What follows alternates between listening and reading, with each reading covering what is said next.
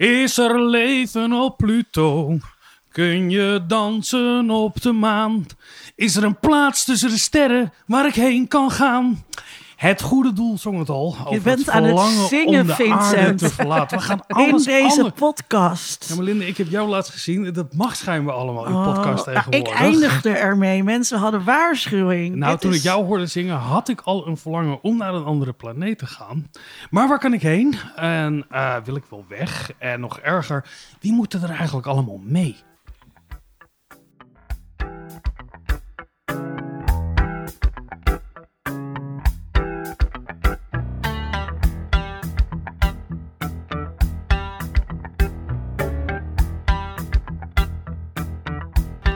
Vanuit Amsterdam is dit Onder Media Doctoren, de podcast waarin communicatiewetenschappers zich verwonderen over de media.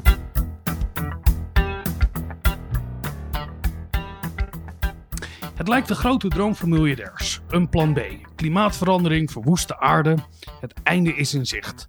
Gaan we allemaal ten onder of kunnen we een nieuwe planeet koloniseren om de mensheid voor te zetten? Is dat nou wel zo'n goed idee? Moeten we dat wel willen? En wie gaan er eigenlijk mee? Nu het einde der tijden zich aandient, kunnen we het beste bespreken met iemand die gespecialiseerd is in de apocalyps.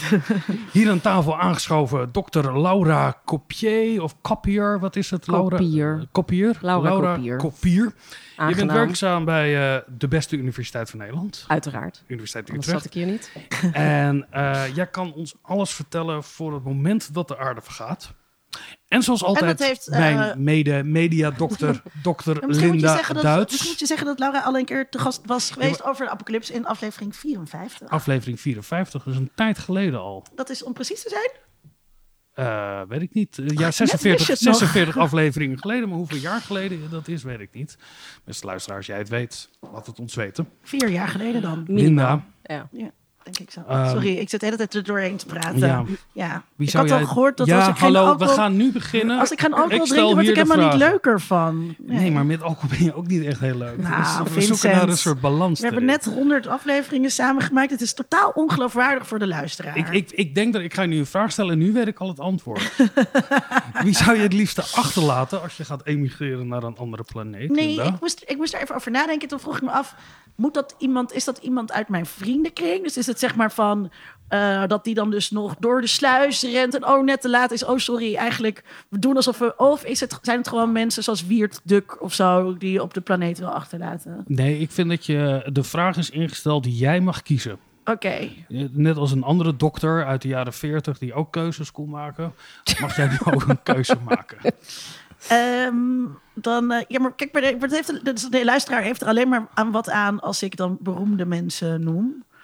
Eh, Ja. ja. maar we kunnen ook gewoon in de show notes het plaatje zetten voor jouw vrienden die jij achter wil laten. Ja, nou, nee, ik zou jou meenemen, natuurlijk. Oh, en ik zou. Laura ook eh, meenemen. En ik zou de kinders ook meenemen.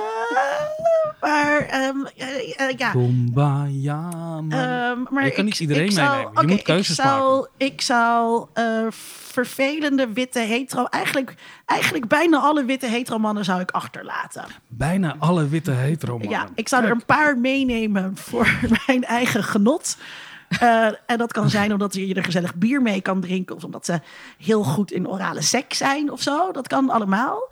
Eh, maar de rest zou ik achterlaten. Ja, Ik vind het wel in je datingleven dat je, als je iemand hebt ontmoet en die kan heel goed voor de orale liefde, dan zeg je, jij mag mee naar de andere planeet. jij mag mee een- ja. naar planeet B. Laura, ehm je hebt wat de duidelijk dat Vincent eh, heel denkt. grondig gelezen, natuurlijk. En eh, past het eigenlijk wel in, in het wereld, of in het Bijbels wereldbeeld dat er een andere Absoluut planeet niet. zou komen? Absoluut niet. Want Nee, de Bijbel heeft twee hele uitgesproken momenten waarop gesproken wordt van het achterlaten van een wereld.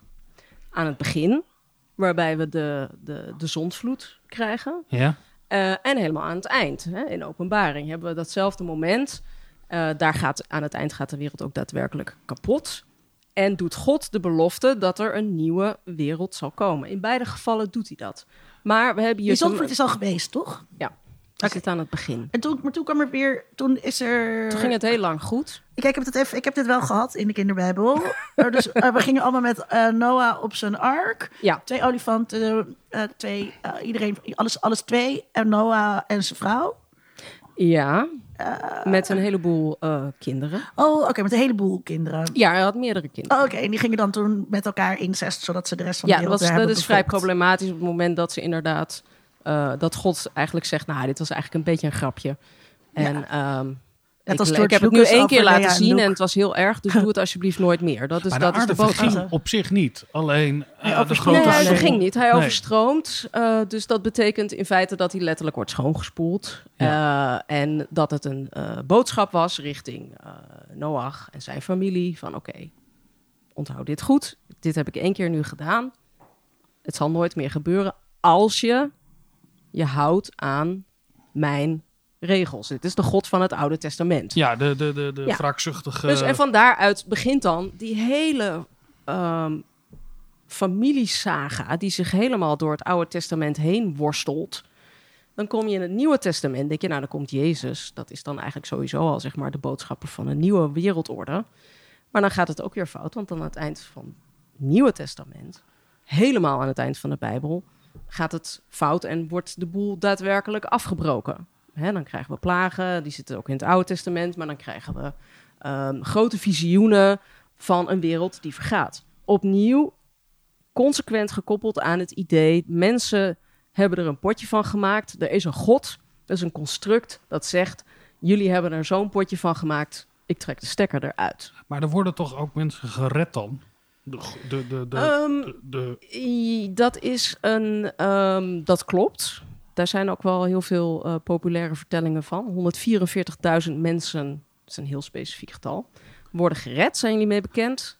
ja, en het is toch een, een of andere berg ook waar, van waar ze allemaal vertrekken. oh, dat is weer eh, een een of ander veel obscuurder. Dat is ook het Oh. idee van Ararat. Ja. Hè, waar is de ark van Noach gevonden? Ergens in Armenië.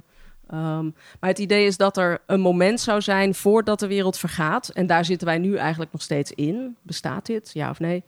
Er komt een moment dat wordt een select aantal mensen gered. Namelijk 144.000 volgens de Jehovah's. Ongeveer Arnhem. Eh, ja, Nou, Arnhem is, is dat 144.000? Haar- Eind, Haarlem. Eindhoven. Eindhoven. Eindhoven, denk Maar ik. goed, de rest van, van ons blijft dus gewoon achter. Eh, en dus à la wat er gebeurt in eh The Leftovers. Eh, The Left Behind is een hele beroemde boekenserie, populair christelijke boekenserie, die ook verfilmd is. Wat echt gruwelijke, slechte films zijn, moet je niet naar kijken. Maar het idee is dus wel degelijk dat er een moment is dat God zal ingrijpen. Dat doet hij volgens bepaalde christelijke ideeën, doet hij dat eerst door een aantal mensen omhoog te, tot zich te nemen. Zij die zonder zonde zijn, ook ongeborenen, et cetera.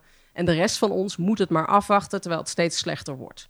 Als je in die mindset zit, dan zijn we nu op dit moment daar. We zijn nu Maar op het die, die- moment de dat mensen we... die gered worden, die gaan naar de hemel. Dus die krijgen het eeuwig leven. Dat is Ja, niet die worden het fysieke- opgenomen in het, in, het, in het koninkrijk gods. Ja. Dat, maar is dat is niet idee. een andere planeet natuurlijk. De hemel is Nee. niet een andere... eh, nee, maar het, het, eh, de hemel Schrijf is, dat even op, eh, Marijn. de hemel is niet een andere De planeet. hemel is toch niet op een andere planeet? Nee.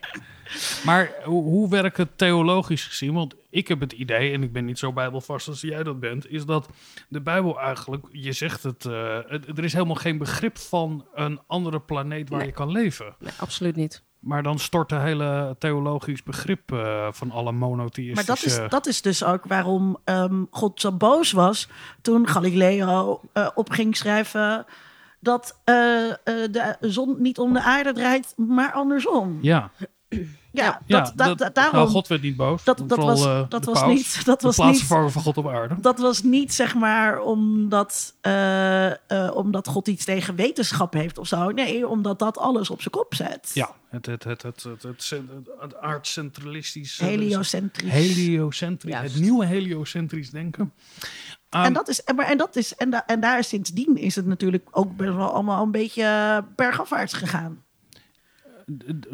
je, je- ja, dit is een echt een, je vindt het bergafwaarts gegaan Nou, sinds ik, wij... heb, ik heb veel Adorno gelezen de laatste tijd. Dat, ehm, want die man eh, die had gelijk, weet ik wel, een liedje over zingen, maar dat mag niet van Vincent. Maar ehm, eh, nou ja, je zou kunnen zeggen dat het, dat het niet echt lekker gaat eh, met, met onze maar hoe zie je de relatie dan tussen... dat Oh ja, moderne, goed oh, gaat gewoon, met- oh, sorry, drie stappen. Toen kwam de renaissance, toen kwam de moderniteit en toen kwam de industriële revolutie en toen hebben we onze aarde kapot gemaakt en nu zitten we met de sores. Maar waarom is een heliocentrisch wereldbeeld, denk je, dat dat eerder heeft bijgedragen aan de vernietiging van de aarde? Toen we God de deur uitdeden, toen Oh, gingen we alleen nog maar aan onszelf denken. Ja. En, en dat is jouw verklaring waarom de klimaat ten onder Ja, gaat. als je een beetje gekscherend dat in een podcast zegt, dan is dat best aardig. Dan krijg je Ja. natuurlijk weer allemaal mensen die krijgen. Je mag je niet. Nee, maar je kan wel dat soort lijnen kan je natuurlijk wel trekken. Er zijn ook wel mensen die dat doen. Ja, maar dat... Nou, niet per se vanaf- Ik, vanaf- ik, ik, ik, ik schrik een beetje van je diep religieuze wereldbeeld. Dat sinds wij afstand hebben genomen van God of het goddelijke... dat we aan onze eigen eh, grillen over zijn geleverd... en dat leidt tot de ondergang van de aarde. Nou ja, ik vind heel veel vaak dat ik dat ik eh, ga ik nu zelf ruzie over krijgen. Ehm, dat, dat, dat we zijn natuurlijk best wel snel hebben we die religie de deur uitgegooid. En eh, dat betekent ook dat die ontzettende individualisering waar wij nu mee zitten, waardoor eh, mijn buren gewoon op zondag eh, gaan hamertje tikken eh, de hele dag, in plaats van dat ze me wakker laten bellen door kerkklokken Je hebt als, zaterdagnacht als, als, colle- als, collectief, eh, als collectief genoegen. Is, hè, dus het is ehm, hè, die, die, die, die sterke individualisering, maar ook ieder voor zich. eh, oneindig kapitalisme. Dat zijn allemaal niet. Dat zijn maar dingen die werden wel redelijk ingeperkt door eh, de kerk. Laura. Ben ik niet helemaal met je eens. Ik zou eerder zeggen dat er een, een heel belangrijk omslagpunt is uiteraard de industriële revolutie. Het versnellen van het gebruiken van alle grondstoffen in de aarde. Zegt de Bijbel op een hele zeg maar, verkapte wijze wel degelijk iets over. Was Jezus daarmee zeg maar, de eerste eco Wat zegt de Bijbel daar dan over? Niet doen, toch? teruggeven. Dus alles wat je neemt, moet je teruggeven. Ja. Rentmeesterschap heet dat, Ja, toch? Een eh, absoluut. CDA-term. Ja. ja. Eh, maar kijk, het grote punt dat mensen nu echt denken van het gaat fout, zijn heel veel dingen die daar natuurlijk op dit moment ehm, heel erg prominent in het nieuws zijn. Maar een- belangrijk omslagpunt om na te denken over wat als we hier de boel opblazen, is natuurlijk de, de atoombom. Eigenlijk misschien wel het belangrijkste, eh, de belangrijkste ontdekking die voor het eerst, en dat gaat een beetje tegen jouw idee, idee in, maar wij zijn dan op dat moment eh, in staat om de hele mensheid uit te weg te vagen. Maar En- dat, dat, gaat precies, dat is precies wat ik zeg. Ja, maar het, het idee is niet meer van, oh, het kan een god zijn, dus als we maar heel hard bidden, dan gebeurt het Oh, niet. nee, maar het is meer van, oh ja, als we een of andere idioot in Noord-Korea hebben die op een knop drukt, Nee, ik bedoel, dan zijn de gevolgen enigszins... Sinds, sinds, sinds ehm, eh, mensen er door hadden dat eh, eh, wij, wij niet het centrum van het heelal waren. eh, en waarmee we langzaamaan God de deur uit hebben gedaan. Zijn we, eh, ik geloof, ik denk niet dat er een God moet komen tot wie we moeten bidden. Nee, ik denk dat, het, dat we wat meer aan elkaar moeten denken en wat minder aan onszelf. Zeker. Eh, en wat meer aan wat gij niet wilt dat u geschiet, doe dat ook een ander niet. En Het eh, dat tweede categorisch imperatief van Kant. dus, Ja. en, maar, en dus, dus dat, ik, ik vind niet dat we religieus moeten worden. Maar Nee. ik vind, er zijn wel een aantal dingen die we met religie achter ons hebben gelaten. Ehm, die er wel in sneltreinvaart voor zorgen dat we op dit punt uitkomen. En dat gaat natuurlijk niet om mijn buren met hamertje tik. Maar het gaat wel om, eh, nou ja, neem klimaatverandering. Waarbij elk land zegt, ja, nou ja, onze bijdrage is eigenlijk zo klein. Hè? Dus iedereen zit heel nationalistisch ook op zijn eigen postzegeltje. Zelfs Australië vindt dat zij te klein zijn om daar een bijdrage aan te leveren. Terwijl als we allemaal wat meer dachten, als we zijn allemaal één volk en dit is één planeet en we moeten het met elkaar doen, dan eh, zouden we misschien wel meer onze schouders eronder zetten. Maar heb je het idee dat in landen waarin de religie een veel actueler is en mensen veel religieuzer zijn en een veel sterker godsbegrip hebben, ook beter met de planeet omgaan? Eh, not necessarily. Maar kijk, ik denk dus wel. eh, dus een van de redenen waarom we deze uitzending wilden maken. is omdat je nu die malle miljardairs hebt. die allemaal aan het kijken zijn. Hoe, hoe kan ik. eh, Wat, wat, wat is mijn plan B? En Elon Musk wil graag de ruimte in, zodat hij kan zeggen. Eh, of, zodat, zodat hij kan kiezen met wie hij ehm, eh, dat gaat doen. Ehm, en ik luisterde naar eh, de Stuk Rood Vlees podcast, wat een hele leuke podcast is, van harte aan te raden. En ik luisterde een aflevering met een auteur en die heet Anand Giridharadas. Uh, en een van de dingen die hij zegt, of dat zegt hij ook heel mooi, hij zegt: The elites are monopolizing the future. Dus je hebt een kapitalistische opperelite, niet zomaar een kapitalistische elite, maar echt een kapitalistische opperelite. Um, en die, uh, die maken die plannen, die willen dit ook uh, beslechten. En hij, hij werkt het nog wat verder uit. En hij zegt eigenlijk: uh, we, we, we, leven al een tijdje uh, in een periode waarin we de overheid niet meer als oplosser zien. Dat, wordt, dat die wordt verafschuwd. De oplossing moet altijd uit het bedrijfsleven komen. He, dus het probleem, het idee, dus de ideologie van onze tijd is dat problemen eigenlijk alleen door entrepreneurs opgelost kunnen worden. En dan, en dan gaat het dus over Elon Musk die elektrische auto's maakt en dat dat allemaal heel fantastisch moet zijn. Uh, maar dat als je wil kijken ook naar wat kan de overheid dan doen, dan zegt iedereen ja, nee, dat moet je niet top-down willen doen. Maar dat zien we in Nederland ook. Hè. Je ziet dat aan uh, de VVD de, de oplossingen voor het klimaat halen uit. We gaan uh, technologische innovatie, daarmee creëer je ook weer banen. Dat is uiteindelijk goed voor de economie. Dus we redden de wereld en we worden uh, along the way worden we er ook nog rijker van. Ja, en het is en ik bedoel dat is dus het is voor mij is het wel de reden dat we dat plan B nodig hebben is wel onlosmakelijk verbonden met die groei van het kapitalisme. En met het idee dat er altijd groei moet zijn. En het is natuurlijk bespottelijk dat je zegt. Um, we, we, we, we, kunnen klimaatverandering tegengaan en toch economisch groeien. En dat dat ook de doelstelling moet zijn. Dat het onmogelijk is om te bedenken dat we niet economisch gaan groeien. En volgens mij, zolang we uh, in die mindset zitten, kampen we er ook niet uit. Ja, maar om het even zeg maar nog in een soort van religieuze bijbelse yes, uh, metaforen te houden. Ik denk dat die Elon Musk uh, people van deze wereld zijn typisch voorbeelden van zeg maar valse profeten. Zo zie ik dat.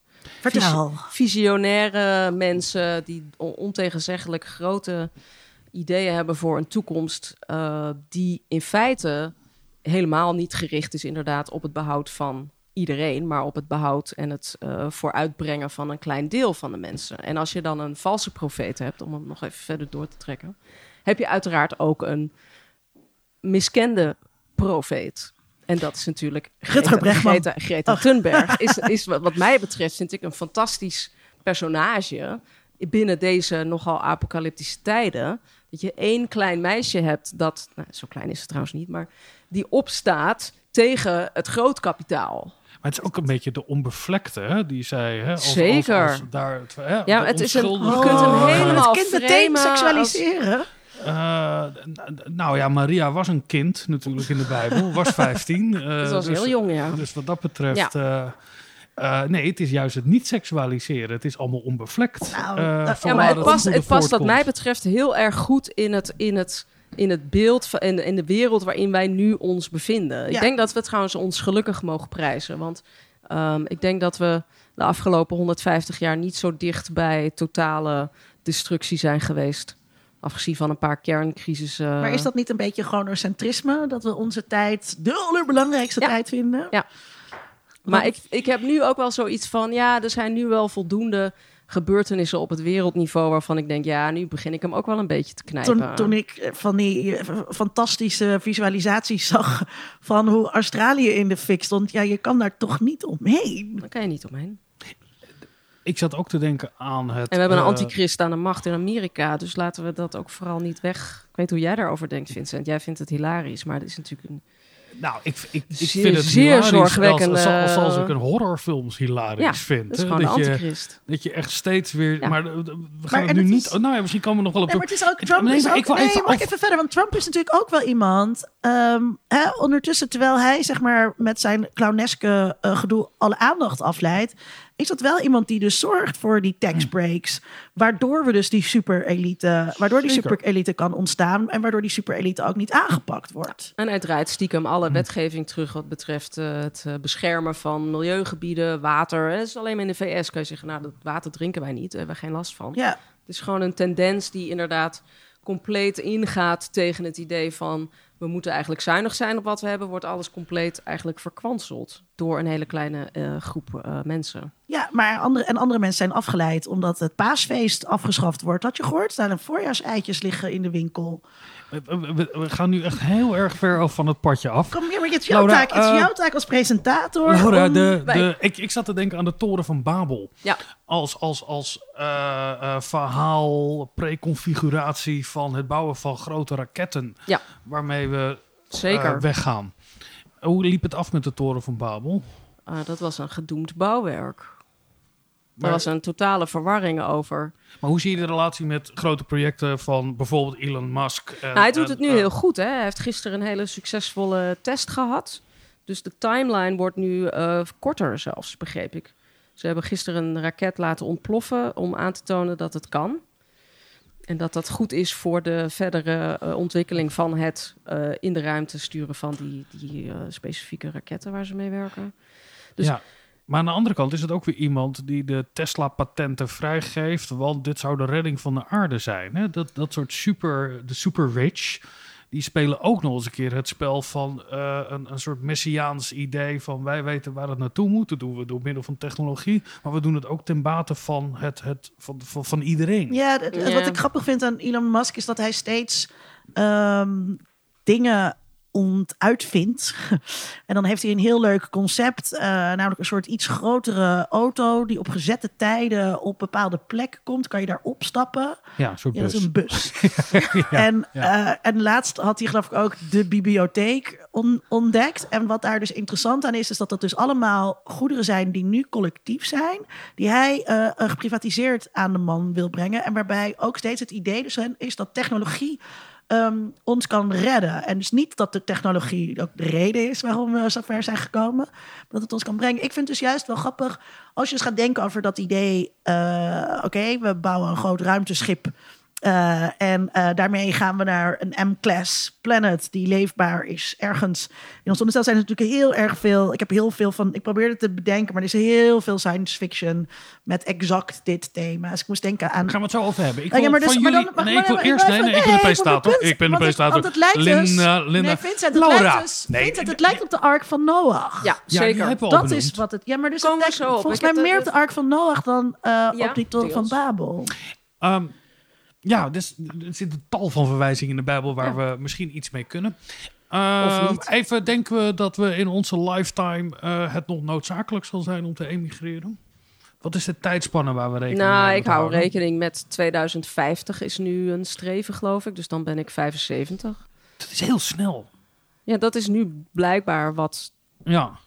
meneer Musk denkt. Dat is nu de tijdsplanning. Want voor, ik- het voor het transporteren van een miljoen mensen, geloof ik, naar Mars. Of naar een planeet die... Naar Alpha Centauri. Zo, ja, dat weet, daar weet ik niks van af. Maar de- ehm, het lijkt me nog goed dat we met z'n drieën deze uitzending gebruiken om te plannen. Hè? Om Even na te denken, waar kunnen we wat van leren? Waar moeten we allemaal rekening mee houden als we straks gaan emigreren naar Planet B?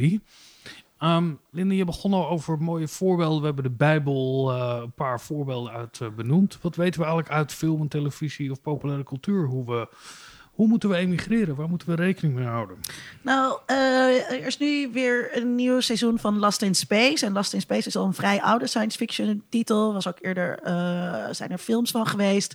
Eh, en daarbij is het idee, eh, een selecte groep mensen gaat op reis naar een, een nieuwe planeet. Nou ja, je raadt het een soort reeds. van eh, familie Robinson Ja, eh, idee is het dat. ja, precies. En eh, zij leiden dan natuurlijk schipbreuk. En dan zijn ze lost in space.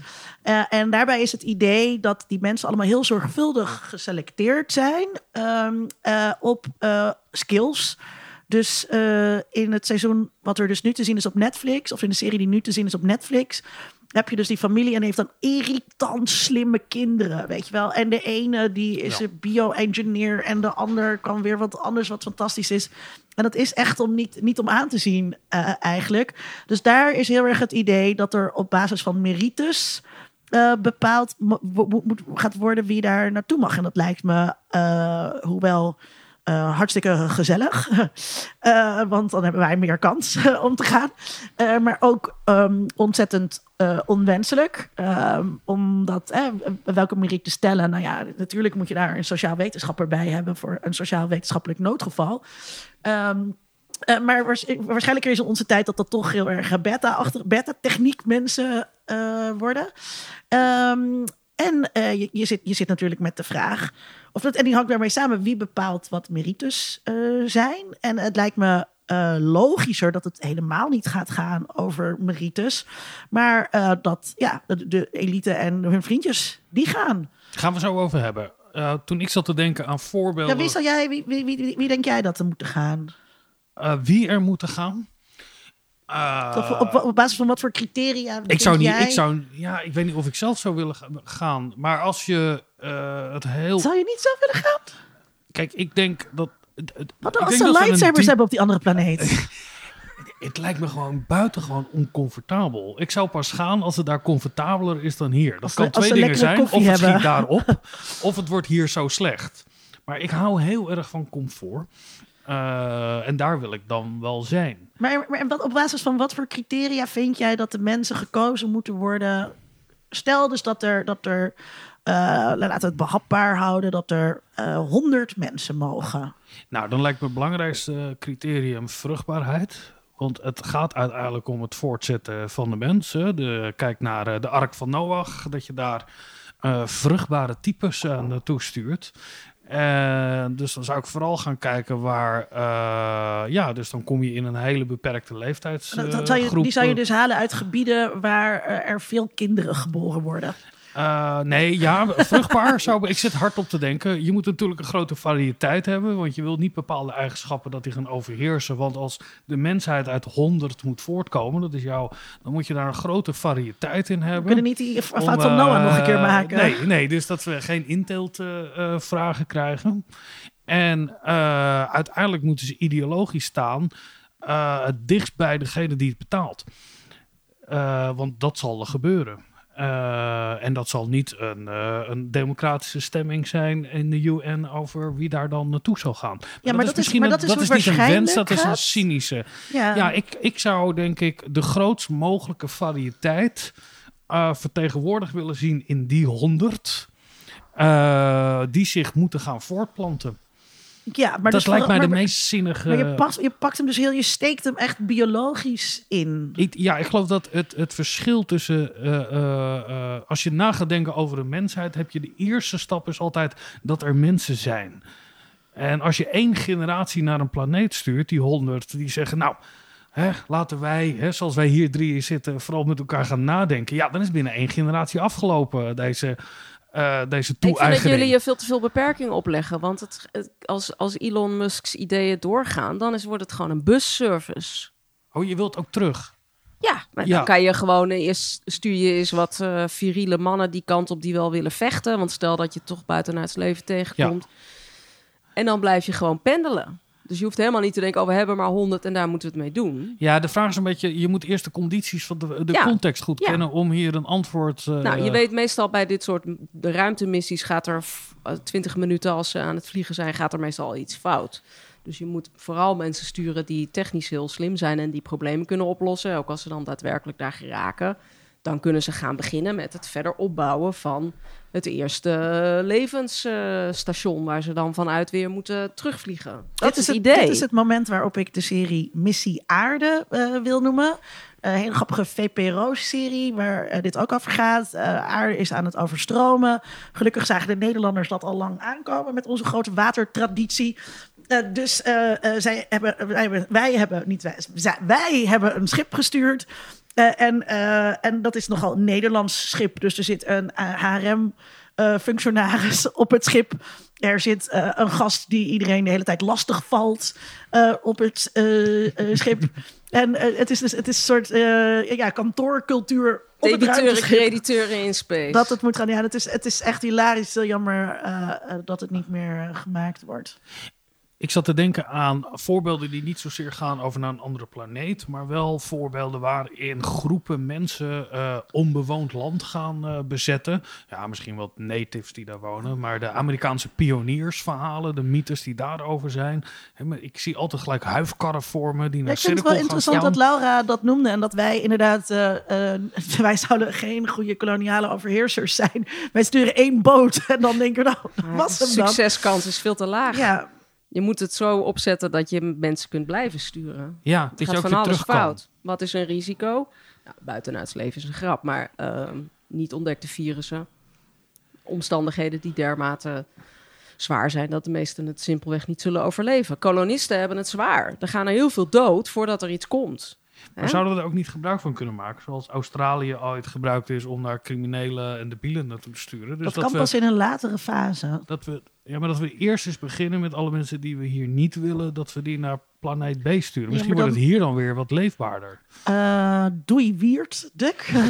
Eh, nee, ik, maar ik denk, nee, want dan loop je dus te veel eh, risico. Dat dan, hè, dus dan sturen wij onze slechterikken de ruimte in. Die komen dan andere aliens tegen. Die technologisch veel meer geavanceerd zijn dan wij. En die slechterikken zetten dan die aliens naar hun hand om. Dat is, dit, is, dit is natuurlijk, dit is, dit is eh, een, een ongeloofwaardig film. Maar nee, je hebt natuurlijk ook heel veel films waarin er al zulke soort ehm, eh, gevangenisplaneten ook eh, bestaan. Volgens mij is het het Alien 3. ja, Alien 3 zat ik aan te denken welke reeks eh, dat het er ook weer was. Ehm, en dat, dat, dat, ja, dat loopt nooit zo goed af. Maar wat voor lering zouden wij dan moeten trekken uit eh, het Nederlands kolonialisme? Bijvoorbeeld, hè? als wij als Nederlanders weer iets gaan koloniseren. Hebben we ook een leuke Ah. aflevering over gemaakt. Zeker. Maar als we daar. eh, eh, welke do-overs zouden wij moeten hebben als mensheid of als Nederlanders op het moment dat we deze grote jump gaan maken? Mooi moment voor het item. We denken soms dat Nederland het centrum van de wereld is. En misschien denkt iedereen dat wel over zijn eigen land. Onze correspondenten laten ons hun wereld zien. Metropolis Radio. Hallo Nederland. Hallo Nederland. Welkom bij Metropolis. Metropolis. Tijd voor Metropolis Radio met deze week een bijzondere uitzending. We bellen met drie aliens en praten met ze over onze komst en hoe er eigenlijk naar ons wordt gekeken. Laten we snel beginnen. Hallo Nederland, dit is Xerox van planeet Google X34. Er zijn nu al drie maanden mensen op onze planeet en ik vind het helemaal niks. Oh, kun je dat uitleggen? Ze eten vlees, ze denken dat klimaatverandering van meevalt. En ik kwam erachter dat op één planeet hongersnood en obesitas een goed probleem is. Op één planeet. Jongens, ik dacht dat we niet met een negatieve... Ze zijn niet eens een type 1 beschaving op hun eigen schaal van Tarasov en ze zoeken nu al een toevluchtsoord, terwijl hun planeet nog een soortje is. Wat een gelukzoekers. Oké, oké, oké. Laten we snel naar de volgende planeet gaan. Kijken of we daar meer succes hebben. Met wie spreek ik? Hallo Nederland. Dit is Kiraval van planeet Exo 364. Hi, wat is jouw insteek over de mensen? Het is nog niet helemaal zeker dat de mensen of de mensheid op mijn planeet gaan komen. Oh, vertel. Over die nieuwe kolonie wordt nog steeds gediscussieerd. Ah, oké. Eh, waar gaat die discussie voornamelijk eh, over? Maar het is wel een probleem. Wat, eh, sorry, wat is, wat is precies een probleem? Ik vind het best wel vervelend. Sorry, ik, ik vrees dat ik niet, niet goed begrijp waar dit gesprek heen gaat. Wat vind je precies vervelend? Ik wil heel graag de mensen helpen. Nou, dat vind ik al prettig om te horen nu voor het eerst in deze uitzending. Maar je twijfelt nog wel? Zeker. En waar, waar komt die twijfel vandaan? Ik vind het best wel vervelend dat de discussie steeds schommelt van extreem naar een ander extreem. En dan doe je op de discussie over of wij als mensen naar jullie planeet mogen komen? Zeker. Ik wil heel graag de mensen helpen. Ja, en dat waardeer ik, maar je gaat niet daadwerkelijk vertellen of, of er ook hulp aanwezig gaat zijn voor ons? Probleem. Ja, hier gaan we denk ik niet uitkomen, jongens. We moeten even... Probleem. Ho, ja, laten we Kierafal uitzetten en dan kunnen we door naar eh, de laatste planeet. Daar was helaas geen gesprek mogelijk vanwege de enorme afstand, maar ik heb gehoord dat we wel goed nieuws kunnen verwachten. Hallo Nederland, dit is Nirami van planeet Sater. Alweer lichtjaar geleden kregen wij het bericht dat we waren ontdekt door een wezen genaamd Mensjes. Eerlijkheid gebied te zeggen dat ik nog nooit van Mensjes had gehoord, maar volgende week is het dan eindelijk zover ze komen. Om me voor te bereiden op een komst ben ik mij, net als vele anderen op mijn planeet, gaan verdiepen in hun cultuur. En het zijn zulke geinige wezentjes met bijzondere gewoontes. Ik heb ook gelezen dat wanneer ze iemand begroeten, ze een lichaamsdeeltje naar voren steken wat heel erg lijkt op een voetje, maar wat zich bevindt ten hoogte van hun buik. Hihi, zo grappig. En we zijn zeker voorbereid op hun komst. Zo hebben we sinds kort restaurantjes, supermarktjes en bankjes. Zodat wij kunnen kennismaken met hun cultuur en zij zich hier helemaal welkom voelen. Gelukkig is niet iedereen enthousiast, dus ik kon er gewoon twee reserveren. Ik heb al helemaal een huisje voor ze gebouwd in mijn eigen koepel en ik kan niet wachten om ze op te halen. Metropolis Radio. Hallo Nederland. Hallo Nederland. Welkom bij Metropolis. Ik wil niet naar die plaatsen planeet. want ik vind het heel leuk om een kat te hebben. Maar ik wil niet. En het lijkt me ook heel leuk om hier een poes te zijn. Maar het lijkt me toch een beetje eng om op een andere planeet de kleine wezentjes te zijn. Ja, een, een, een, een goede vriend van mij heeft al uh, uit, Rob Leurs, die uh, hier was gast, was, dat hij een enorme ruzie had met zijn toenmalige vriendin over de volgende vraag. Als er aliens aankomen, dus stel je voor ze komen deze kant, op, moeten we die dan vriendelijk verwelkomen? Of moeten we die alvast gaan schieten? Uh, dan moeten we, hè, moeten we ze vijandig. Maar dat is natuurlijk andersom ook. Stel je voor dat we een mooie planeet weten te vinden, maar daar lopen gewoon nog wat mensen. Moeten we die eerst wegvagen voordat we ze kunnen koloniseren? Of moeten we ze gevangen nemen? Nou ja, de geschiedenis van de science fiction leert ons dat dat een heel uh, slecht idee is. En dat, kijk, sowieso gaat het gewoon niet goed gaan. Dus we gaan um, altijd. Um, Oké, okay, achter, de, achter de krachten die naar die andere planeet willen, zit, daar zitten altijd geldelijke belangen achter. Dat, dat kan niet anders in de tijd waarin wij leven. Uh, en dat is vaak een industrieel-militair complex. Uh, dus op het moment dat we erachter komen dat daar andere wezens zijn, dan zullen we daar oorlog mee willen aangaan. Zeker. Uh, en die wezens willen vernietigen. En, en uit elke film weet je dan dat wij degene waren die als eerste geschoten hebben. Dat wij precies uh, zeg maar iets gebouwd hebben op, bij wijze van spreken, een, uh, een uh, Indiaas kerkhof.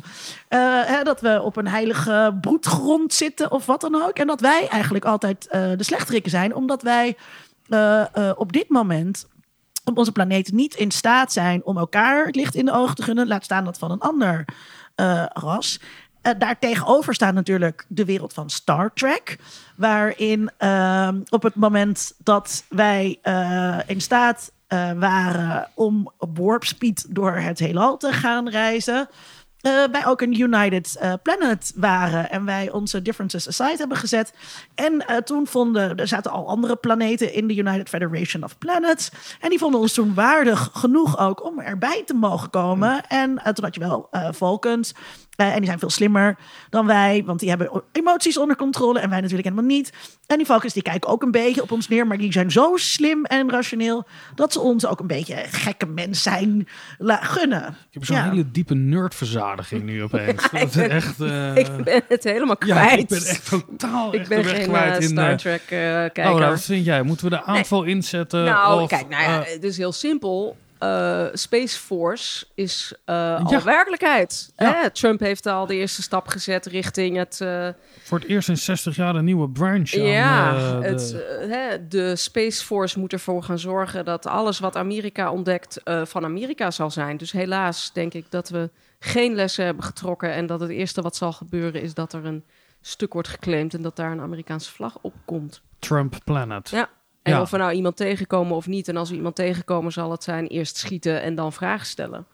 Maar dat doet er niet toe. De Space Force is er precies omdat wij moeten concurreren met Rusland en India, denk ik, als space-going nations. Ja, China is ook eh, actief Eh, op dat dus gebied. de, de actualiteit is wat dat betreft ehm, actueler dan ooit. Ja, er wordt gewoon aan gewerkt. Ja, je moet het, als je er heel goed naar gaat kijken, blijkt dat natuurlijk eigenlijk gewoon een afgeleide te zijn van de Amerikaanse Air Force. Ja, die zit ook hier maar, al mee ik, 20 bezig in, zijn. geloof ik. Zoveel- bedoel, het is, en als je hebt gekeken naar de uniformen die zijn onthuld afgelopen vrijdag voor de nieuwe Space Force. Sorry eh, Linda, het zijn geen Star Trek-achtige uniformen geworden. Het is gewoon camo eh, gear. Met een eh, labeltje erop dat zegt eh, Space Force.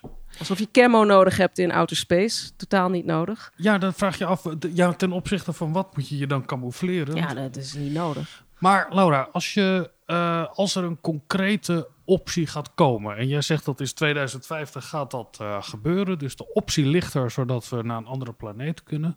Wat zullen de gevolgen zijn voor ons hier op aarde? Eh, raken wij de solidariteit kwijt, mocht die er nog zijn? Gooien we het klimaat dan helemaal overboord? Want er is een andere optie, er is een alternatief. Moeilijk. Nou ja, maar je mag, eh, we gaan dit in 2050 terugluisteren. Dus Ik je denk- voorspelling ik- eh, zal nu. eh, Als het echt een, te, ha- een haalbare Hmm. eh, kolonisatie zou blijken te zijn, daar hebben we dan nog hoeveel jaar, 30 jaar de tijd voor of langer. Dan komt dat idee inderdaad van we hebben maar één aarde wel op een hele wankele basis te staan. Maar dat staat hij sowieso al op dit moment. Inna, wat denk jij? Als, die, als het alternatief er is, wat gebeurt er dan hier op aarde? Dan breekt de, de shit uit natuurlijk. Dat op, op, eh, op het moment dat, dat duidelijk wordt eh, dat we hier echt niet lang meer hebben. En dat we ergens heen kunnen. En dat dat, en dat, dat mogelijk is. En dat we dus echt. Nou, ook- dat zijn twee verschillende dingen. Stel je voor dat we hier nog wel even hebben, maar je kan ergens anders heen. Wat gebeurt er dan? Kijk, als, we, eh, als het dood of de gladiolen wordt, dan wordt het oorlog natuurlijk. Ja, dat, dat, dat denk ik dus. Maar als we hier nog wel even kunnen blijven, maar er is een alternatief. Er is een planeet B. Nou ja, ook- het is, het is dus heel lastig, want ehm, in tegenstelling tot eh, met de ontdekking van de vorige nieuwe wereld, eh, eh, de Amerika's, kan je dus het, heen en weer gaan is sowieso lastig. Hè, dus eigenlijk in alle, dit is allemaal kennis die ik uit science fiction films heb. Hè? Dus ik wil, laat het even duidelijk zijn, uh, waar luisteraar. Ik zit hier als mediadokter. Ehm eh, het, gaat, het is bijna nooit dat in die begintijd dat er heen en weer verkeer mogelijk is. Dus eh, dat betekent dat je ook niet duidelijk kunt maken wat er daar nodig is. Dus ze gaan er allemaal heen met allemaal kratten om allerlei dingen op te zetten. En dan komen ze erachter dat ze geen aluminiumfolie hebben. Dan kan je niet even bellen naar huis of een brief sturen. Uh, uh, dat dat niet nodig is. Um, en dat was natuurlijk toen met Amerika was dat anders. Wij, wij gingen echt heen en weer varen. Um, dus dat, dat is denk ik een heel groot probleem. Dat, dat de communicatieprobleem wat je daar gaat hebben. En je weet dus ook niet wat er gaat gebeuren als die eerste settlers daar uh, aankomen. En films leren ons ook dat dat dus eigenlijk altijd misgaat. Want er zit vaak iemand aan boord die niet aan boord had mogen zitten. Uh, dus, of, die, of die dan in zo'n isolement, want je zit in een redelijk isolement, want 100 per schip is al best wel veel. Hè? Dat is echt wel uh, veel, veel grotere schaal dan wat we nu in een ruimtestation uh, rond de aarde hebben, hebben zitten. Uh, dan heb je gewoon, en je weet dat er dus geen weg terug is, dan is het gewoon heel erg in jouw voordeel om naar de macht te grijpen. Ja, ik zit ook te denken, als je honderd mensen daarheen stuurt en je spreekt af, nou je laat iets van je horen. Stel je voor, je hoort niks meer van ze. Dan zijn er ook mensen die zeggen, het is daar fantastisch. En ze willen niet dat wij er ook naartoe komen. We gaan er achteraan. En andere mensen denken, ja, die zijn hartstikke dood natuurlijk. Die hebben daar verschrikkelijk. En je moet dus ook bedenken, oké, okay, dus we gaan naar... Uh, uh, uh, we doen altijd in, die, in de meeste films is er dan één landingsplek... en dan lijkt zo'n planeet eigenlijk heel klein. Maar aarde is van alle planeten best wel een mini-planeetje. Um, dus je kunt ook bedenken, uh, dat die ruimteschepen of die, die, die bussen die daar dan heen gaan, die komen op verschillende plekken terecht. Dus, dus één groep die landt in Australië, één groep die landt in Europa. Het kan best wel ver van elkaar af zijn. Die mensen hebben daar ook niet zomaar dan een vliegtuig om naar de andere kant van die planeet uh, te, te komen. Dus je moet ook bedenken dat settelen, ja, wat Laura ook al net zei, dat is. Dat gaat zo makkelijk niet. Zeker niet zonder dus. Uh, wij, zijn heel, wij steunen heel erg op onze communicatietechnieken, die vrijwel zeker daar niet toepasbaar zijn. En nog een ander ding, Laura. Dat op het moment, stel je voor, dat lukt allemaal. We kunnen ons daar settelen en daar worden nieuwe mensen geboren. Dat zijn geen uh, aardelingen, geen earthlings. Nee, dat is een ontzettend. In, dat is een heel interessant idee wat gebeurt er met. Ik was ooit in uh, Indonesië. Uh, maar zijn op, wij uh, mensen omdat wij geboren zijn op de planeet Aarde? Of zijn wij mensen omdat we een soort zijn?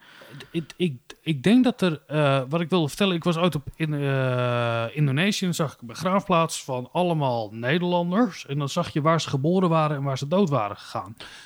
En ik heb me nooit goed gerealiseerd toen dat 90% van die Nederlanders nog nooit in Nederland waren geweest. Hè? Die zijn daar geboren en ook weer gestorven. En dat heb je als je daar. Oké, een paar, Thierry Baudet, eh, dat waren gewoon Nederlanders hoor. eh, nou ja, maar dat is natuurlijk de vraag. Ben je dan, eh, ben je dan een Nederlander of ben je de verwantschap met, met, met Indonesië of Indië toen? Hoe werkt dat dan als er straks een, een, een planeet is en mensen daar geboren zijn en eigenlijk de aarde niet meer kennen? Nee, ze kennen de aarde niet, maar als we Trumps idee van de Space Force doorzetten, dan is het militair-industriële complex van Amerika gaat zich richten op het koloniseren van Mars. Dat betekent automatisch dat iedereen die daar is, eh, bevindt zich waarschijnlijk onder Amerikaanse wetgeving. Iedereen die daar wordt geboren zal waarschijnlijk Amerikaans zijn. Ik trek het even door. Dit Ja, lijkt ja, de meest En, logische... en elke ochtend moeten ze Legion pledgen Ja. to the flag Ja. of the United Ja, States. en dat wordt afgebakend. Dus als, de, als eh, India's Space Force eh 3 miljoen kilometer verderop zit op die planeet, whatever, dan is daar, gelden daar de wetten van die natie-staat. Dat is mijn. Het wordt geen idealistisch iets van, oh, dan zijn we opeens allemaal ehm, geboren op planeet X, dus dit. Maar ik denk gewoon dat, dezelfde, dat wij dezelfde fout maken en dat we dezelfde systemen zullen opzetten die we nu ook al. Want dat hebben we eh, met kolonialen ook gedaan. Ja, De dat, mensen- dat is ja. een totale herhaling van zetten. Want als je de migratiegeschiedenissen bekijkt van de mensheid, dan zie je vaak dat eh, mensen wegtrekken om het, eh, het leven van de mensen die achterblijven ook beter te maken. Of het nou recente geschiedenis van Nederland met arbeidsmigratie, hè, dat je eh, de gezinnen daar, omdat het in je eigen thuisland slecht gaat en dat je dan ergens anders naartoe moet.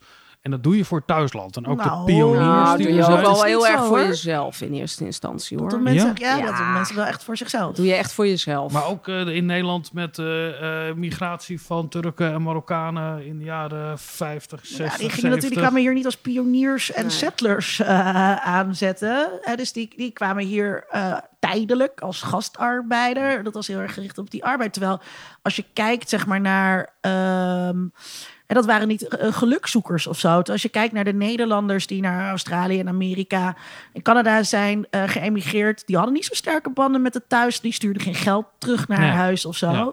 Eh, en die gingen vaak omdat ze eh, vervolgd werden ook in hun eigen land. Hè. Dus de- de- al die gekke godsdiensten in Amerika. Dat is wel gewoon omdat wij hier in Europa die mensen niet meer wilden. En het grappige is, als je naar die groepen kijkt, zeker ook Canadezen in Amerika, Nederlandse Canadezen, die hebben een heel raar beeld van Nederland. Ja, een heel statisch beeld. Die hebben een heel hè? statisch beeld. Op het moment dat Ja. ze weg zijn gegaan ergens, wat, nou, 1951, dat beeld van Nederland houden ze. En dat idealiseren ze ook heel erg. Dus opnieuw om eh, wat we al weten van dit soort processen, omdat eigenlijk gewoon, als je dat zeg maar bekijkt, hoe zou dat gaan op planeet X, zie ik daar hetzelfde. Ja, dus Ja, het is wel ja. grappig Ik dat denk dan- dat wij een hele beperkte ruimte hebben als mensen om daadwerkelijk te kunnen Ik ontwikkelen. denk of inderdaad iets. dat een gemeenschap dat op een andere planeet heel erg gaat, de aarde gaat idealiseren. Dat er allemaal foto's hangen van aarde en... en, en Maar dus ook stel, stel je nou voor dat we dus wel op planeet Saturn komen, eh, waar de aliens net wat groter zijn dan wij. eh, en wij eigenlijk een beetje als een soort eh, tweede rangs eh, burgers daar aankomen. Waarschijnlijk te werk gesteld worden in kleine hamsterradertjes waar we dan de hele tijd in moeten lopen. eh, voor het plezier van de ander. Eh, dan denk ik dus ook dat we vast blijven houden aan allemaal aardse gebruiken. Dat we onze aardse talen blijven spreken. Dat er nog religie ook Ja, er meekomt. zal, er zal waarschijnlijk ook inderdaad een behoefte komen aan een nieuw narratief. Maar zijn wij ontstaat als, als mensheid als we op een andere planeet komen waar een hogere intelligente wezens zijn, die veel meer evolved zijn dan wij zelf, om ons daarin eh, nederig en onderdanig, dat is hetzelfde, in op te stellen? Nee. Dit is het moment waar ik even de Fermi-paradox ter sprake moet brengen. De Fermi-paradox. De Fermi-paradox is... daar zei u dacht, waar blijft die? Hier is die. ja, dus de luisteraars zaten natuurlijk wel te wachten. Dat, eh, eh, zij, dat is een redenatie eh, waar- hoe het komt dat aliens nooit contact met ons ehm, hebben gemaakt. Nou, en daar kan je verschillende dingen over zeggen. Eh, je kan zeggen, ehm, eh, aliens zijn nooit gekomen omdat het eh, te moeilijk is. Dus hè, eh, space travel is eigenlijk gewoon niet te doen in de, in de wetten van het universum. Dus het gaat over astronomie, biologie, nou, dat soort dingen allemaal. Dat is één reden. Een tweede reden zou kunnen zijn dat ehm, aliens ehm, eh, vroeger wel zijn geweest, maar dat we ze niet hebben gezien. Dat is een van mijn favorieten. Laatst zijn er weer heel veel nieuwe Nazca-lines eh, ontdekt. Het idee The Gods Were Cosmonauts Ja. eh, van Erich van Deniker.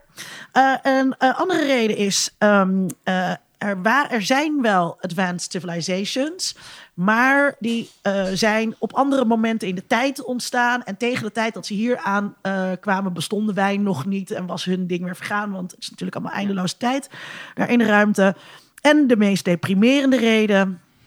Aliens kiezen ervoor om niet bij ons te komen. En dat, dat is wel iets waar we rekening mee moeten houden. Eigenlijk wat, dit hoort- zit niet in de Fermi paradox, maar kan je ook nog over praten dat wij natuurlijk gewoon een simulatie van aliens zijn.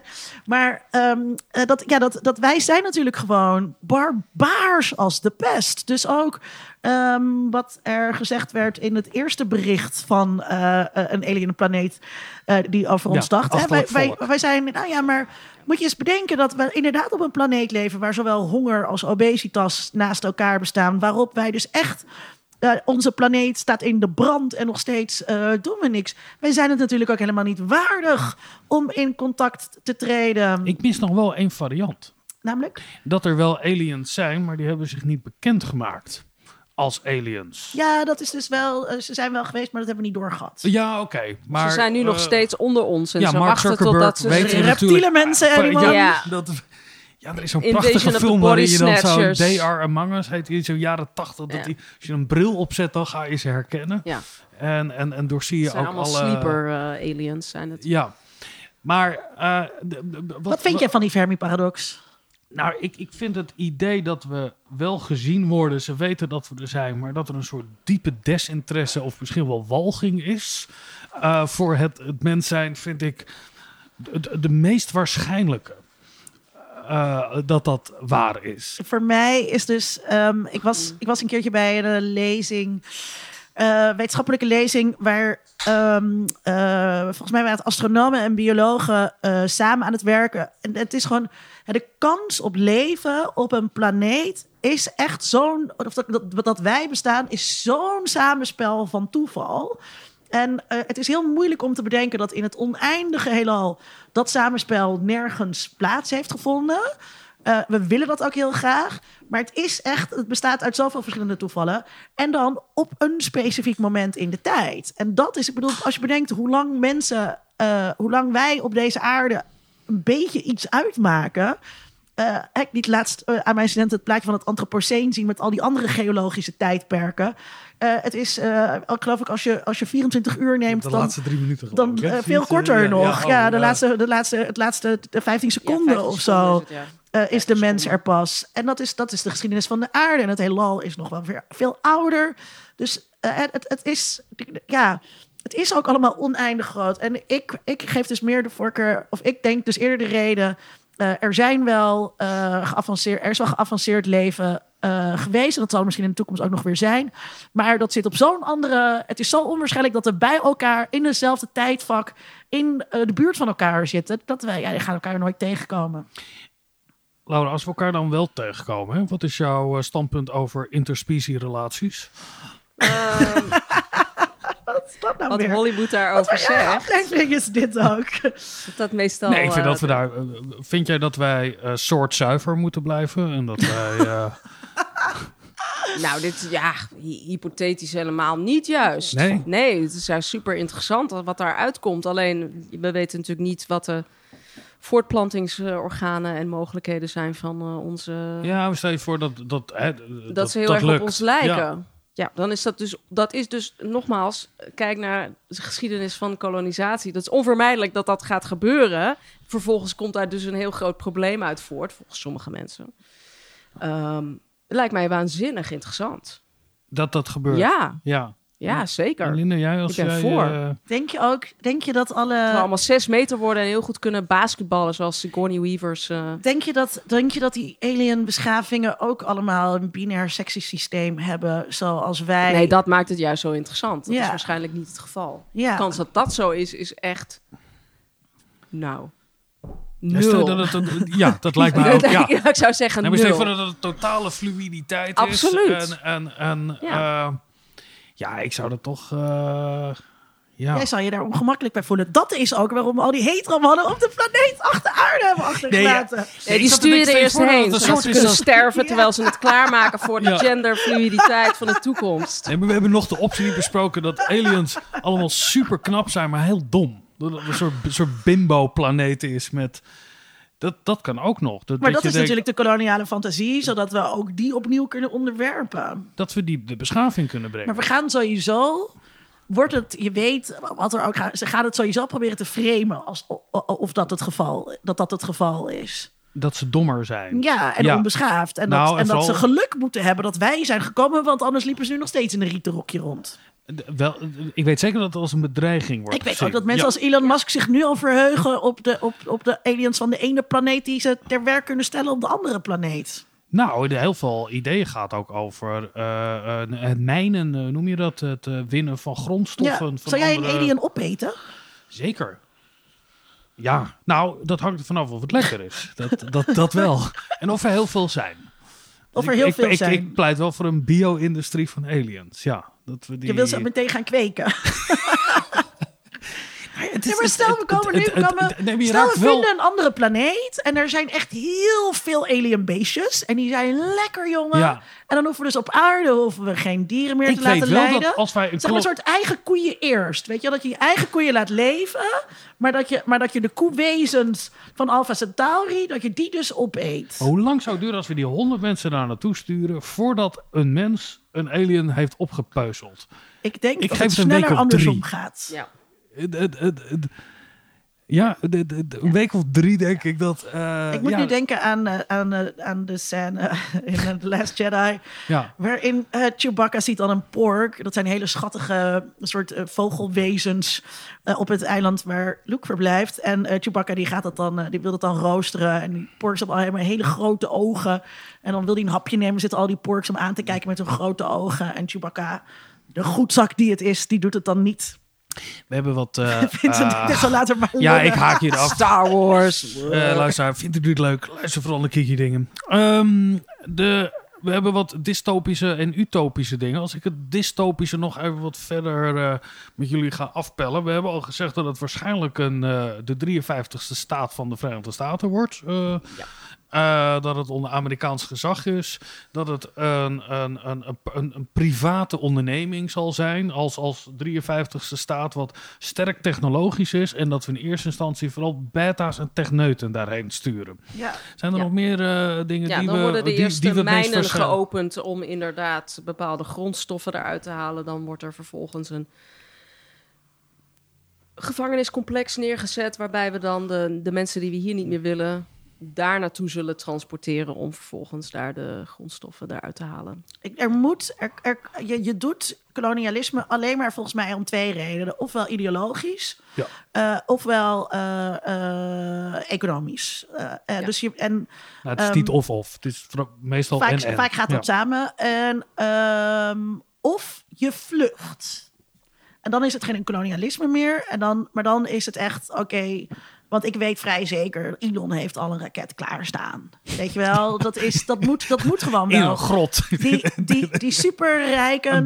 Die, nee, maar, ja. die, ja, maar die, die hebben. er- weet je, ze presenteren het aan ons alsof ze voor ons een plan B maken. Maar zij hebben natuurlijk al lang een plan A voor zichzelf.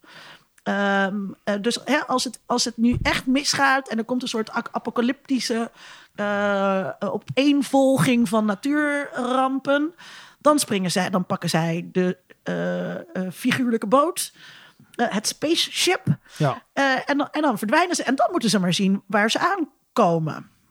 En dan, dan zijn het vluchtelingen. Ja, en dan hoop ik dat die aliens op die planeet zo aardig zijn om ze binnen te laten. Nou, ik, ik, de kans dat er aliens zijn is vrij klein. Maar als dat gewoon een, eh, een Mars is. Hè, laten we het iets concreter maken. Mars is, is best wel, is gewoon niet echt een hele handige planeet om op te willen wonen. Nee, maar het is wel binnen bereikbaar, weten we. Ja. En hij is ook niet zo groot. Dat Nee. scheelt ook.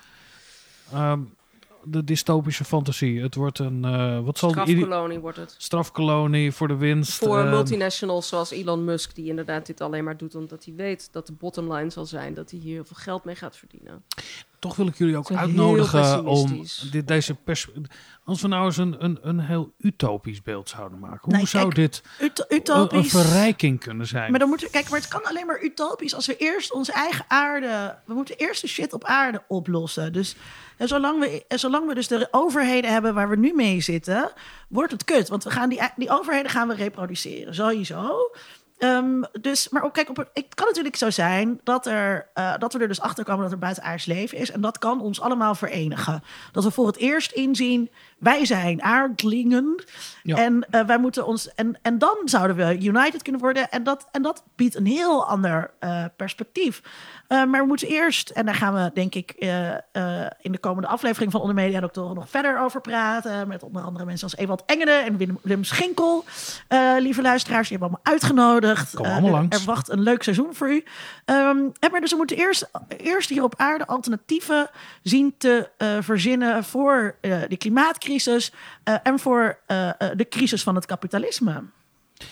En Ja. zolang we dat niet doen, blijft het altijd, kan ik het alleen maar dystopisch zien.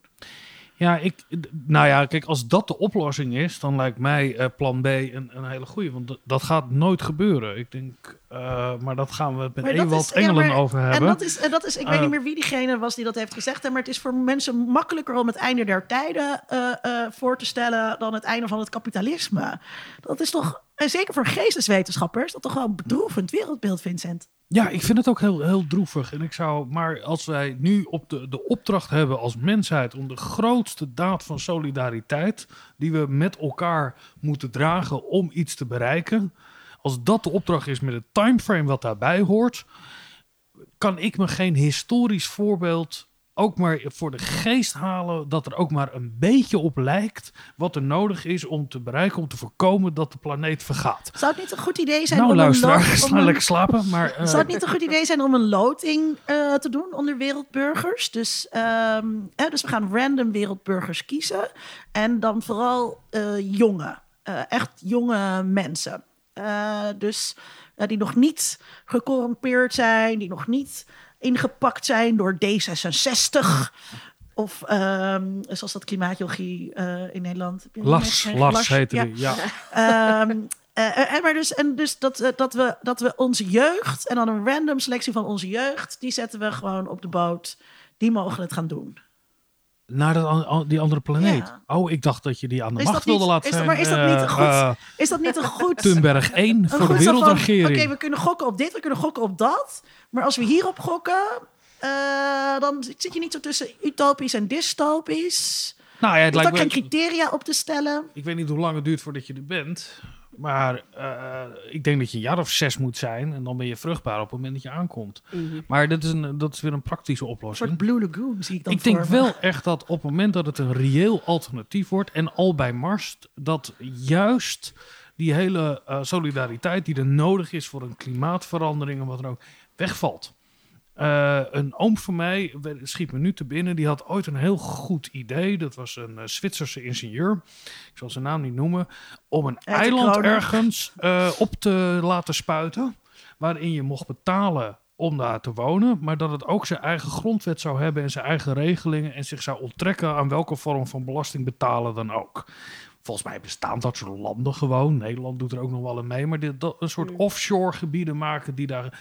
Nou, dit past heel erg in dat denken. Dat, dat zo'n planeet wordt natuurlijk een plek waarin je belastingvrij... eh, nou, eh, het wilde westen die daar... eh, Als ik erover nadenk, echt, het, het, het, alternatief...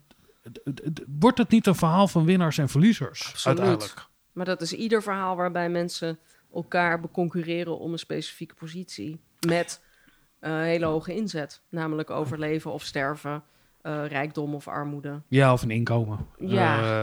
Eh, of een kans eh, in het Mm, leven te ja. krijgen. Ja. eh, ja. Nou, wat wil jij mee? Nee, ik laat mij maar hier. Ik vind het voor mij is het veel interessanter om als we dan zo dicht bij het einde zijn, wat ik, waar ik nog steeds een beetje Ja. op hoop, dan eh, blijf ik liever hier. Toch, maar hoop je dan toch ook op het goddelijke? Nee, nee. Daar heb ik geen hoop op. Maar dat heb ik ook hoor. Ik denk als, als wij geblest zijn dat wij de laatste generatie zijn en alles gaat stuk, dan wil ik het ook wel meemaken. Dat is toch een prachtige eh, ervaring we hebben dat je de altijd het hemel begin ziet gemist, dus laten we nu Eh, maar hopen dat we dan het einde Ja. meemaken. Dat is eigenlijk de... Ja, ik ben te zeer eh, sci-fi nerd om, om, om niet in een ruimteschepen, mensen. Ruimteschepen is superleuk. Ik word Ja. heel blij van ruimteschepen. Dus natuurlijk ben ik op een Ik ben ruimteschip. bang dat ik dan met honderden luisteraars van Kiki Dingen op een ruimteschip zit. Dat is echt, dat is de, dan, dan dan nog liever dood ja, hoor. de staan ze de hele dag mensen. lightsabers uit te testen en zo. Ja. Het, ehm, ehm, we hebben het. eh, we, we moeten keuzes maken. We moeten eh, de vraag beantwoorden eigenlijk. Eh, waar moeten we allemaal rekening mee houden als straks eh We moeten met is? zoveel dingen rekening houden dat het gedoemd is om te mislukken. Dat is de les die science fiction ons leert. Het gaat toch wel fout. zeg Het gaat je. sowieso fout. Maar we hebben al vastgesteld dat planeet A, optie A, al een, een grote opdracht wordt om het. eh, Kijk, de, Sen- de oude Seneca zei het al. eh, je kunt op reis gaan, maar het lastige is, je neemt altijd jezelf mee. Ja. En dat is hier ook het geval. Eh, hè, dus we kunnen wel een nieuwe planeet eh, gaan eh, bevolken en kolonie, ik kan het woord niet uitspreken, koloniseren. Ik wil altijd zeggen kolonialiseren, koloniseren. Maar dat doen wij. En wij zijn gewoon echt niet de leukste wezens in eh, het universum. Nou, dat hè, we zijn van mediadoktoren. Ik heb wel eens naar Utopia gekeken. Weet je, dan, dan zet je een stuk land ergens in het gooi. Waar mensen tenminste betaald zitten. Want ze hoeven niet voor de. En wat gaan ze doen? De hele dag over elkaar praten. Ja. De hele dag. Dat Ja. is wel wat wij ook zouden gaan Dat doen. dat is, dat is dus wat. Onvermijdelijk. Ja. Had, het, dat vind ik het erg. idee van Utopia, misschien gaat het helemaal fout en wordt het een soort sectaar. Nee, het ziet Nee. eruit als een gemiddelde straat in Vianen. Eh, eh, Maar dat, maar, dat zegt dus, maar dat zegt dus ook Ja, niet. Omdat, ze, omdat ze daar mensen hebben neergezet die, eh, eh, ook op een, ja, die ook op een gemiddelde straat in Vianen wonen. Maar dan even de vraag aan jou. Wie, wie, als we in een utopisch beeld, we moeten honderd mensen, je zegt jonge mensen moeten erheen. Wie, wie, wie zou jij de grote pioniers, eh, welke honderd zou jij Nou, ik vind selecteren? het wel een leuk idee om 100 luisteraars van Kiki Dingen daar naartoe te en sturen. luisteraars, we hebben een aanbieding voor je. Wil je mee naar een Nee, andere en- planeet? En, eh, en, Word en, Patreon.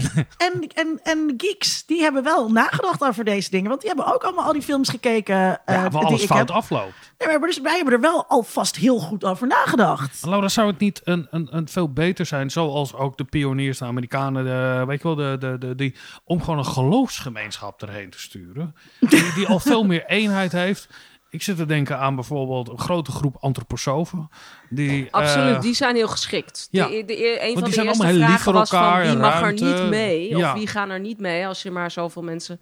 Al mensen die, mensen zich niet vaccineren. Mensen die Lijkt zich niet, niet va- een goede maar ook mensen die nou, monotheïsten mogen niet mee.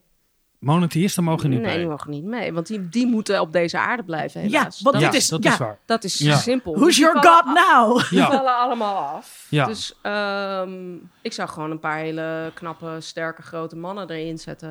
Ik bedacht, ik bedacht me net, we Ehm. kunnen zeg maar de queer gemeenschap uit Amsterdam, die kunnen we erheen sturen. Ja, maar die zijn wel altijd een beetje ruzie met elkaar aan het maken. Dan heb je ook weer dat, hè? Dat is wel waar, maar... Volgens mij gaat dat ook dan gaan we ook goed. af van het hele idee dat je, dat je, dat je, eh, elkaar, eh, dat je van elkaar moet houden voordat je de baby's gaat maken. Je kunt dan die baby, die reproductie van die baby's, kun je dan helemaal tot een... Nee, maar dan heb je wel een busdienst nodig, want anders sterft het heel snel uit. heb je nodig? Een busdienst. Dan heb je een lijnbus nodig, want Ja, anders dan, dan gebeurt er helemaal niks. dat, dat eh, is dan, dan valt het helemaal dood. Wat een hoezo?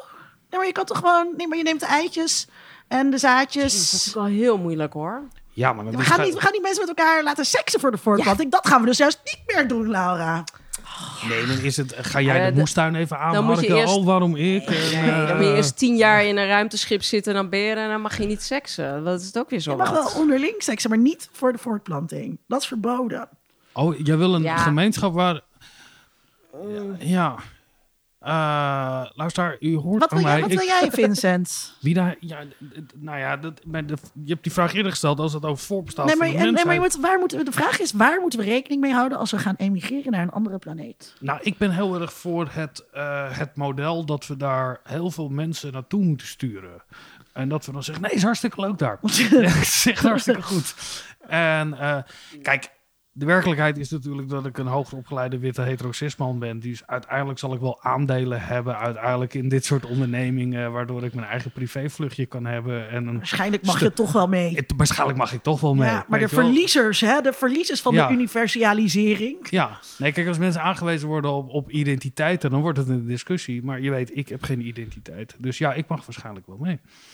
Eh, maar, en serieus, waar- maar waar eh, ik, zou, ik vind het volst, Ik zou zelf absoluut niet mee willen. Nee, maar wat, wat, wat, waar moeten we nou rekening? Jouw vraag, beantwoord eens je eigen vraag. Ik, ik, ik denk dat we rekening eh, moeten houden. eh, ik zou in eerste instantie, en dat zie je ook, eh, mensen die ergens licht in een autistisch spectrum zitten, die heel erg één opdracht, één doel kunnen uitvoeren.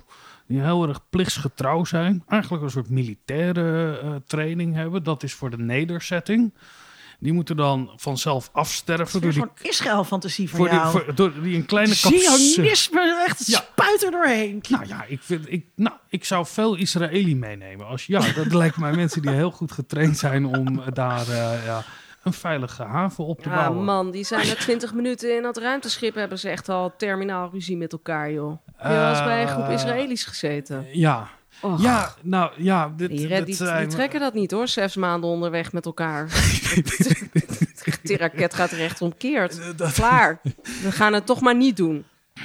Ik denk, Kan eh, echt niet. Orthodoxe, eh, orthodoxe Joodse gemeenschap. Ja, eh, zij hebben wel, dat moet het, ik moet ja, toch wel met, die- zij en- hebben wel settlers die van doorzetten weten. Ja, en, en erg vruchtbaar. Ja, maar ze mogen niet van hun god. Ja. Ja, Nee, oh, ja, we hadden hen al Het is uitgeschakeld. al Ja, dat- uitgeschakeld. ja, ja, Regel dat is 1 waar. is er is maar één aarde. En als God zegt dat die worden kapot op, gaat, dan eh, is het onder afgelopen. mediatoren vinden dat orthodoxe Joden naar een andere planeet moeten. Nou, eh, dus eh, vandaar eh, het laatste hierover. eh, Eh, Laura, we zijn bij het einde gekomen van de planeet, hebben we net benoemd. Maar ook van deze... we zijn de podcasts op planeet B? Laura? Eh, nou ja, ik heb, ik heb net gezegd dat er dus moeilijkheden zijn met communicatie. Maar eh, toen ik een kleine Linda was, toen zat ik al met een oude bandrecorder eh, te spelen. Een soort radiootje na te doen.